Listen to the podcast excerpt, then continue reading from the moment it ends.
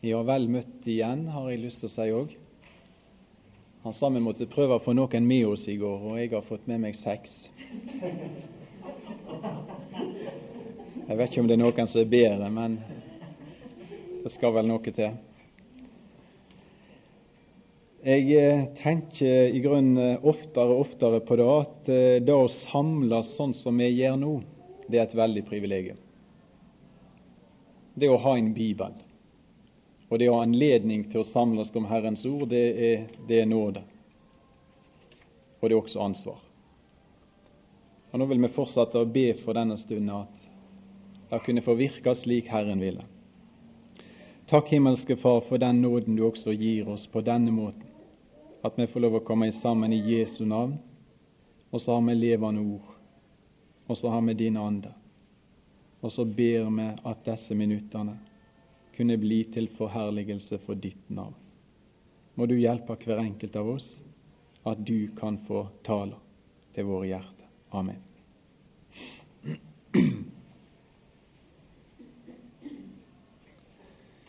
Jeg tror også i dag at vi tar utgangspunkt i Salomos ordspråk, eh, kapittel 21.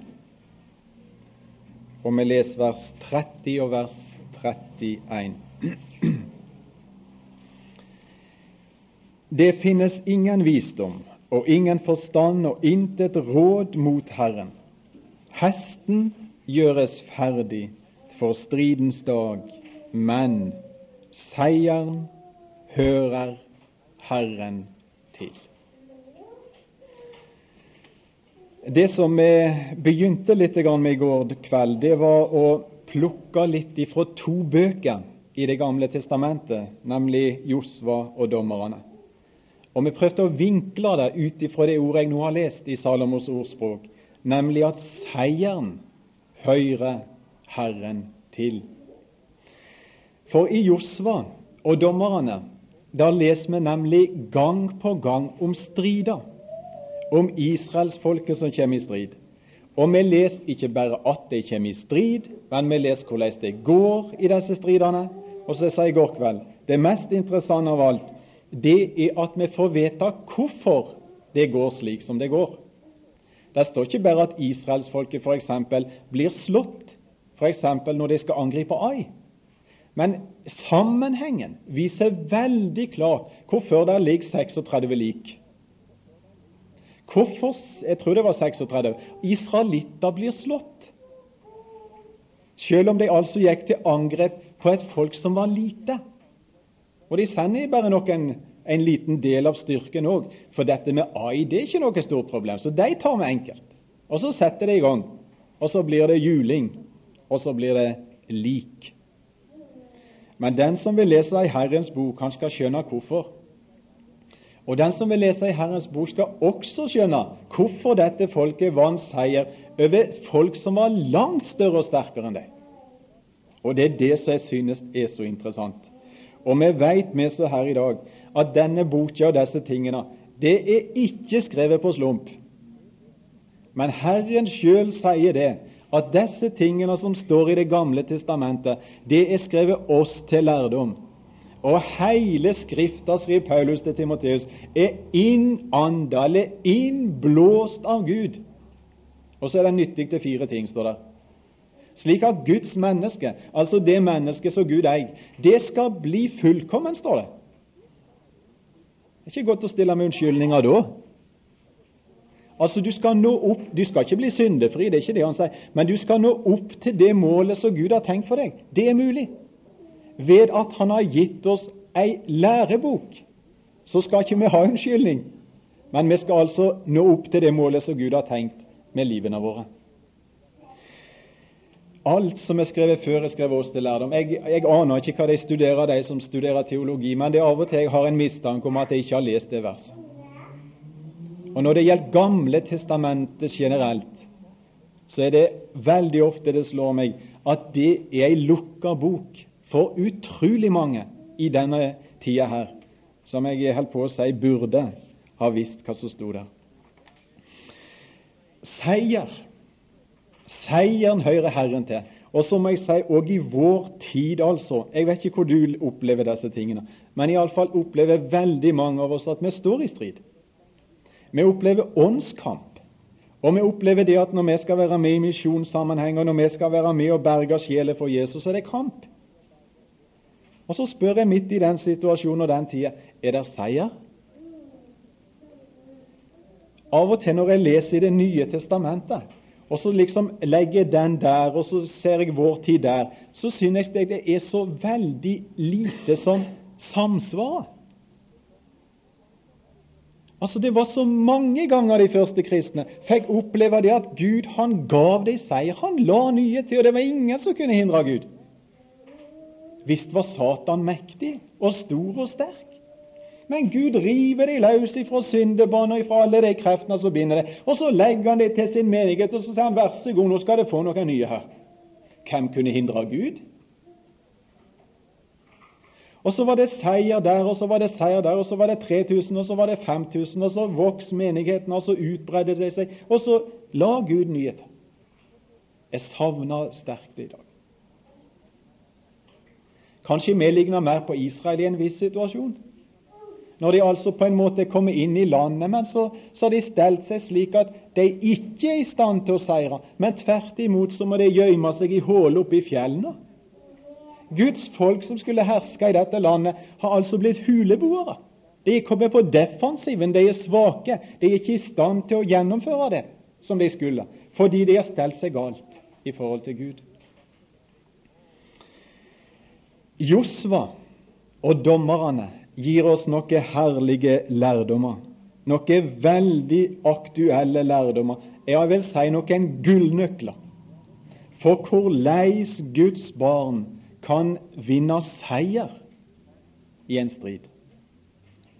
Og Da spør jeg igjen Jeg slutta med det i går kveld, men jeg spør igjen. Når var det Israel seira? Når var det de erobra fienden sitt område? Hva var avgjørende for utfallet i stridene? Det var ikke fiendene. Det var ikke det altså at fiendene var så få at Israel seira, eller at fiendene var så mange at Israel ble slått.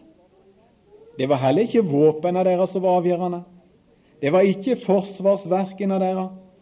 Det var ikke strategien til fienden som avgjorde. Og det var heller ikke israelsfolket sine våpen som avgjorde, eller at strategien deres var så god, eller at de hadde så gode våpen.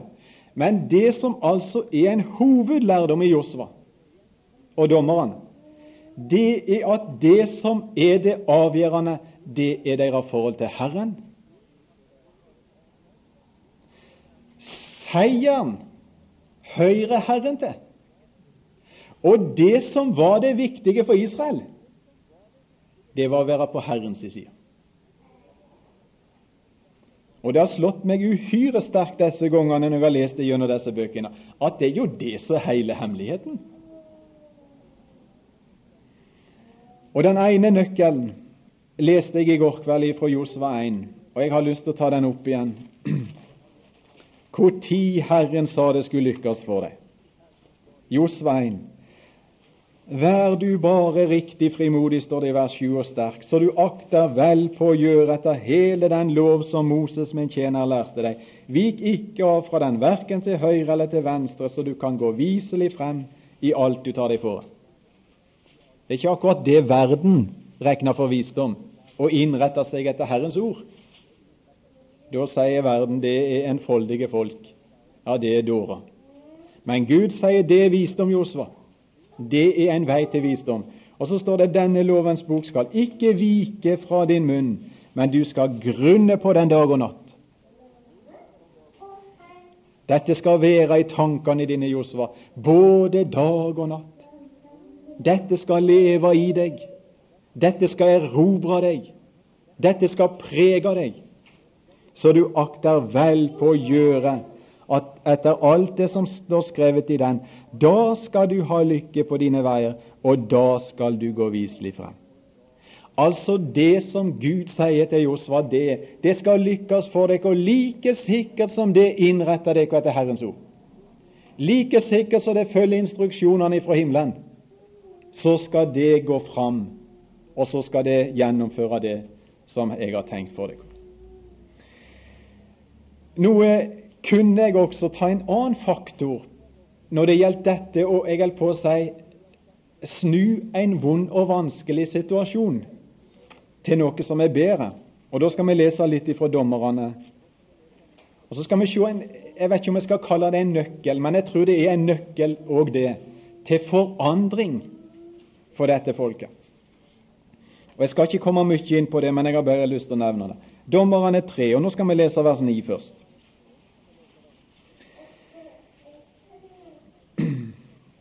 Da har Herren gitt deg i denne Kusan Risa Taims hånd. Nå sier Gud 'vær så god' til fienden, og så overgir han folket sitt til fienden. Og så skjedde det altså i vers 9. Da ropte Israels barn til Herren. Hva er det nå med deg? Nå er det i nød. Nå er Herrens folk kommet i den situasjonen at de har bruk for Herren. Og så roper de til Herren i sin nød. Da og Herren oppreiste Israels barn en frelser. Vi leser vers 15. Og Der står det om Israels barn at de hadde tjent Eglon, kongen i Moab, i 18 år. Og tenk, det alt fordi de hadde skåret av ifra den veien som Herren hadde tenkt for dem. Og så får de høste det de har sådd. Og så blir de underlagt fiendefolkene. Men så kommer vers 15. Da Jeg holder på å si det kunne nå skjedd før. Det gikk 18 år. Da ropte Israels barn til Herren. Og Herren oppreiste dem en frelser. Kapittel 4, vers 3. Og det er igjen israelsfolket som har vært underlagt en kanonittisk konge som heter Jabin. Og Israels barn ropte til Herren, for han hadde 900 jernvogner. Det var liksom atomvåpenet den gangen. Og han trengte Israels barn hårdt i 20 år. Det var hardt. Og i 20 år opplevde de den person og den makt og det herredømme over seg. Men da roper de til Herren. De i nød. Kapittel 6 og vers 6. Vi tar noen utvalgte skriftord her. Og Israel ble rent utarmet ved midjanittene. Et nytt folk. Fordi det igjen har veket bort fra Herrens vei. Så sier vær så god, nå skal midjanittene få herske over deg. Og så får de det vondt igjen. De ble rent utarmet ved midjanittene. Da ropte Israels barn til Herren. Så tar vi kapittel 10 og vers 10. Og Der står det at da ropte Israels barn til Herren og sa:" Vi har syndet mot deg, vi har forlatt vår Gud og dyrket balene.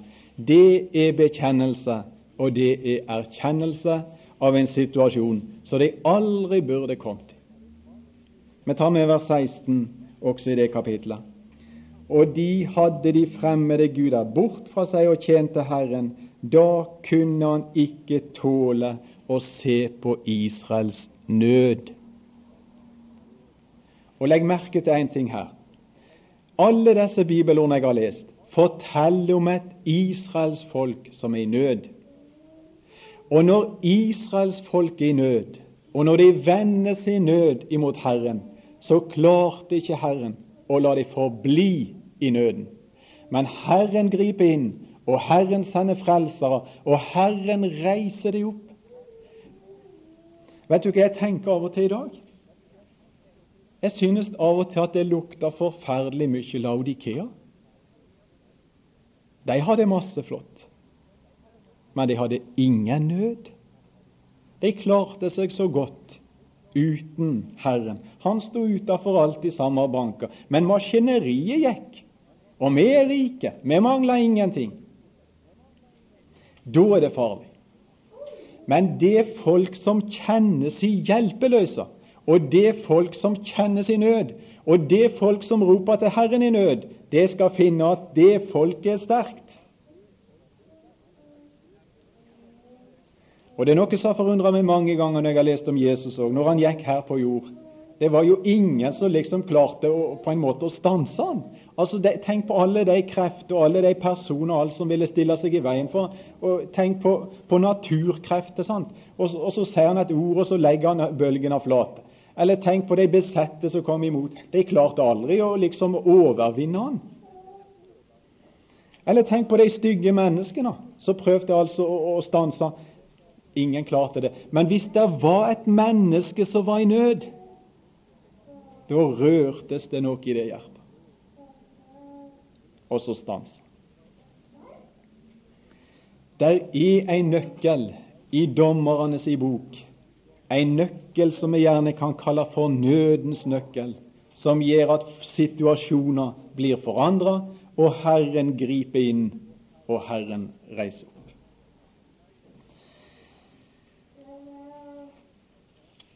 Det er også en annen nøkkel som jeg tror vi skal si noen få ord om. Og det skal vi hente fra Dommerne 17. Og det er ikke en nøkkel til å lykkes, men det er en nøkkel til ulykker. Og jeg er veldig glad fordi at den er tatt med. En nøkkel som liksom åpner en vei og viser oss en vei til å mislykkes. Og når det står i Guds ord, så er det altså fordi at Gud har sånn omsorg for oss. Jeg har jo av og til tenkt på at det står jo forferdelig masse i denne boka her om feiltrinn, om feilsteg, om feil valg, om feil prioriteringer. Og så ser vi hvor det gikk. Er det noe vits i for oss å, å ha med i boka? Selvfølgelig. Og jeg er veldig glad for de lærdommer som Gud gir oss gjennom andre sine feiltrinn. Fordi at dermed så trenger ikke jeg gjøre det samme.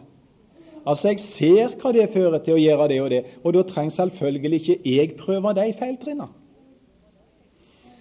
Og her er en nøkkel. Hvis du er interessert i at det skal mislykkes, så skal du få veien. Dommerne 17, når vi leser det sjette verset Dette står en tre-fire ganger i Dommerne, det jeg nå leser fra vers 6. I de dager var det ingen konge i Israel. Hver mann gjorde hva rett var i hans øyne. Sin tankegang. De spør ikke hva sier Guds ord. De spør ikke hva sier Skriften, eller hva sier Herren. Men de vurderer tingene sjøl, og så bedømmer de tingene ut ifra sine tanker.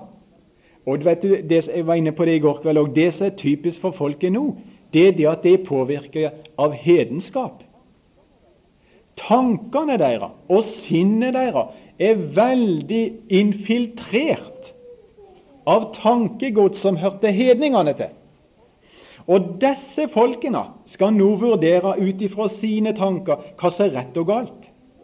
Det som er rett i mine øyne, det gjør jeg. Det som er galt i mine øyne, det gjør jeg. Hvor ble situasjonen da?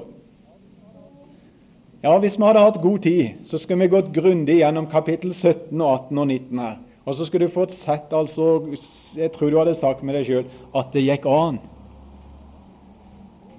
At det kunne bli så galt. Hvis du bare tar, Vi tar et par trekk fra Dommerne 17. Det begynner med at en mann fra Efraimfjellene som heter Mika, han sa til sin mor de 1100 sekel sølv som ble tatt fra deg, og som du hadde uttalt forbannelse over, så også jeg hørte på det. Disse penger er hos meg. Det er jeg som har tatt dem.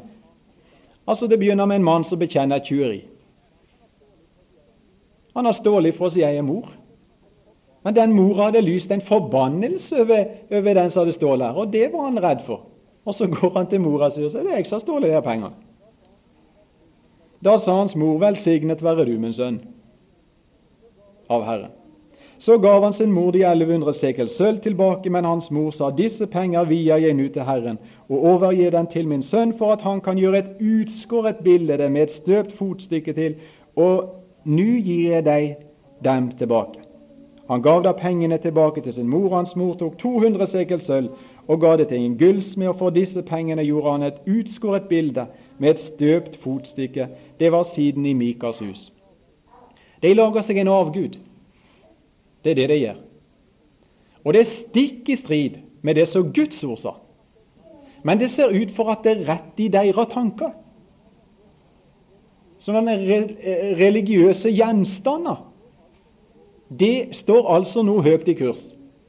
Og så står det videre Og mannen Mika hadde et gudshus. Hva hadde Gud sagt om det? Hadde han sagt det at det skal altså hver, hver enkelt menneske i dette landet skal nå lage seg et gudshus? Nei, det hadde han ikke snakket om. Men det var et gudshus, og de skulle oppsøke det. Og han hadde gjort eh, en livkjortel og husguder og hadde vidd en av sine sønner til prest for seg. Og alt er galt. For det var ikke hvem som helst som skulle bli prest. Loven talte veldig klart om det, at det var levitter, og dette var ingen levitt. Men her altså driver de på etter sine egne tanker og er liksom helt ute det som Guds ord sier. Her dyrker de Gud på sin måte, og så blander de inn litt andre guder òg. Det er en slags kombinasjonsgudsdyrkelse der Herren er med, men det er også avgudsdyrkelsen er med. Og så tenkte jeg det var kanskje sånn at nå blir vi litt velsigna av Herren, og så blir vi litt velsigna av disse andre gudene òg. Men det ble bare sorgen av alt det sammen. Og Så står det videre at det var en ung mann i vers 7 fra Betlehem i Judea. Da får vi et innblikk i presteskapet, hvordan det var, ifra vers 7. Og det er en levitt som flakker omkring, altså, og det burde han ikke gjort. Og han bor på feil plass, for Gud hadde sagt hvor de levittene skulle bo. Og det var 48 byer som var omtalt, så levittene skulle bo. Men denne her er utafor det Gud hadde sagt. Og denne mannen drar forbi, ja, denne Mika. Og så eh, står det det at eh, i vers 9 at han er på vandring for å ta opphold hvor jeg finner leilighet. Altså Det ser ut som han ikke har peiling på det Gud har sagt. Men han tenker sånn Nå skal jeg finne en bra plass å bo. Og så slår jeg meg ned der. Men Gud hadde sagt hvor de skulle bo. Men de avsporer. Og Da sa Mika til ham, bli hos meg og vær far og prest for meg. Så tar han han altså inn i sitt hus, og så får han en personlig prest for seg og sitt hus, pluss at han hadde en ifra før. Og så vil jeg gi deg ti sekel sølv om året. Om det var mye eller lite, vet jeg ikke. Jeg har, jeg har nå nesten inntrykk av at det var ikke så svær i lønn. Når du tenker på den summen som mora ble frastålet, den var jo 1100 sekel sølv, så var ikke dette så mye å skryte av. Men han skulle holde han med klær og kost. Da gikk levitten inn til ham. Ikke et spørsmål om å, ikke et, et ord om å spørre hva Gud vil. Ikke et ord om hva Guds ord sier. Men den høyeste autoriteten i deres tanker, det gjør det de mener er rett i sine egne øyne. De er totalt avspora ifra sannheten og ifra det å bøye seg inn under sannheten. Og Mika innvidde levitten, og det hadde han ingenting med å gjøre heller. Og Den unge mannen ble hans prest, og han ble boende i Mikas hus. Og Mika sa, nå vet jeg at Herren vil gjøre vel imot meg, siden jeg har fått en levitt prest. Og Så kan du lese videre i det 18. kapittelet om en stamme. Altså I begynnelsen på kapittel 17 så leste du om folket, liksom. Så I siste del av kapittel 17 leste du om presteskapet. I kapittel 18 leste du om en hel stamme i Israel som er på ville veier. Og i, videre her så leste du om forferdelig umoral blant denne Benjamin-stammen som jeg også nevnte i går. Der de er på nivå med folk i Sodoma og Gomorra. Men bare forskjellen at dette er Guds folk. og der det foregår ei uhyrlig gjerning. Ja, der foregår flere ting av en sånn makaber karakter at det går nesten ikke å preike om engang. Men resten av folket av Benjamin sin stamme, de fordømmer ikke det som er gjort, den ugjerning som er gjort, men de forsvarer det. Og så ender det med at, at omtrent hele den stammen blir utrydda. En sørgelig tragedie. Men det som er nøkkelen her, mener jeg, til alt det samme, det er at folket ikke spør Herren, men folket det gjør det som er rett i deres egne øyne. Og det ser ut for at de var totalt avspora. Det er utrolig hvor langt et folk kan søkke når de først viker av ifra Herrens vei. Og Det kan vi godt ta med i endetid òg. For jeg er blant de som sånn i utgangspunktet har et jeg holdt på å si et sørgmodig syn på endetiden.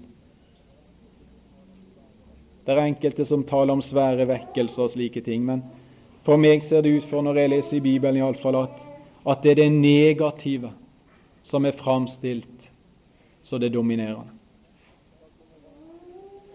Skal komme vanskelige tider. Dette skal du vite, at i de siste dager skal det komme vanskelige tider. Menneskene skal da være Og så ramser han opp 20 karaktertrekk, og alle er negative. Det er heller ikke sagt for at vi skal miste motet. Men det er heller sagt for at vi skal mobilisere, og for at vi skal drive oss inn der som vi kan stå og seire i ei vond og vanskelig tid. Jeg er så glad fordi at Herren han skjuler ikke disse tingene for Altså Hvis menneskene hadde lagt Bibelen, så hadde det enda med et glansbilde. Også tida før bortrykkelsen. Alt det samme hadde enda med et glansbilde. Herren, han sier sannheten, enten folk liker det eller ei. Og det er så fint å ha ei bok som ikke skjuler det som er vanskelig, og det som kommer. Det er jo av og til du, du kan sitte og høre på, på værvarsling, og så melder de orkan og storm. Jeg vet ikke hvis du er sjømann om det er noe hjelp i å bli sint på deg der inne på værvarslingen. Kan jo bli rasende på deg på værvarslingen som varsler storm. Orkan? Du liker ikke storm og orkan. Er det sånn? De fleste er veldig glad for de meldingene som kommer. Selv om det er dårlige meldinger, så er de takknemlige, for da kan de ta sine forholdsregler. Da kan de komme seg i havn. Og Det er det samme når du leser i Bibelen. Det er mange vanskelige og til dels tunge meldinger som går på det framtidige i denne verden, men det er godt at vi har dem. Og det er godt at vi kan ta forhåndsregler, og det er godt at vi kjenner ei havn der vi er trygge gjennom alt. Vel, det kunne jo gjerne vært mer å si om disse tingene. Men eh, la oss bare ta med at dette i Dommerne 17 her, og det sjette verset, at når folk altså gjør det som er rett i deres egne tanker, så ender det alltid med en eller annen elendighet.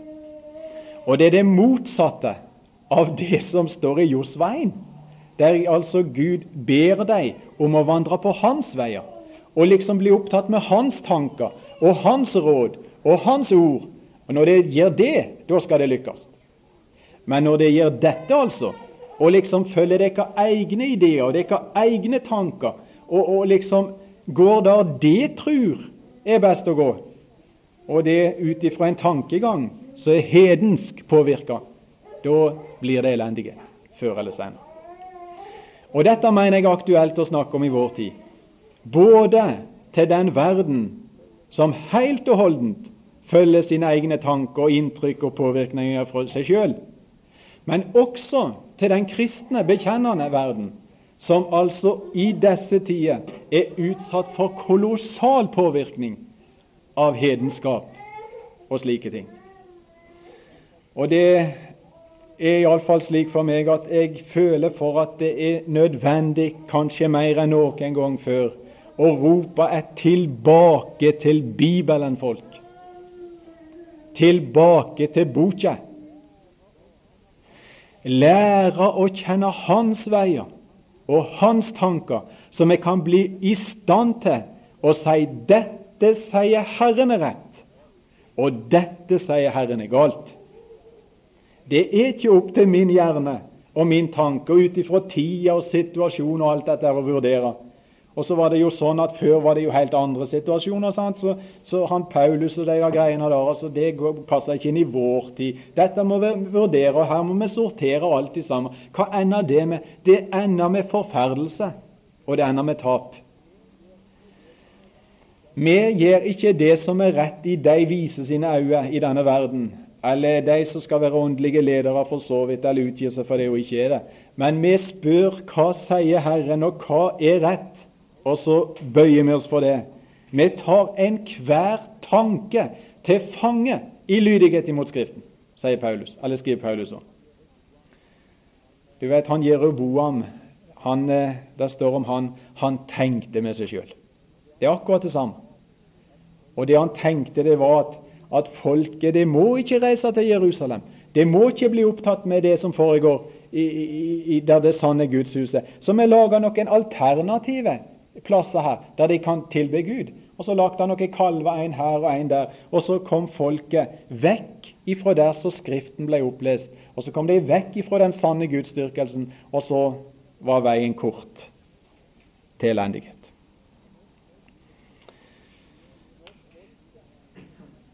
Når folket gjør det som rett i deres egne øyne, så ender det med nederlag. Så gir ikke Herren dem seier. Det er ikke en eneste gang når de ligger på kne for Bal og avgudene, at de opplever seier. Det er ikke en eneste gang når de kombinerer Gud og avgudene, at de lever under Guds velsignelse. Dette skrev oss til lærdom. Seieren hører Herren til, men han gav han til folket sitt når de gikk på hans veier. Ikke når de var avgudsdyrkere. Og der skal vi slutte nå. Far i himmelen, vi har lyst igjen å takke deg for dine ord. Takk for lyset som skiner på en mørk plass. Og vi har igjen lyst til å be la oss få være et folk som kjenner dine veier, og som går deg. Og midt i denne tida som er så vond og vanskelig på mange måter, så la oss også være et folk som kan spre lyset ifra de bok, slik at andre kan se veien til velsignelse. Og la oss få være et folk også som kan erobre nye for deg og ditt rike. Herre Jesus, la oss få være et folk med brennende hjerte som har et livsprogram der du står som nummer én. Og vi takker deg, og vi priser deg, og vi tilber deg, for du er så god og nådig imot oss.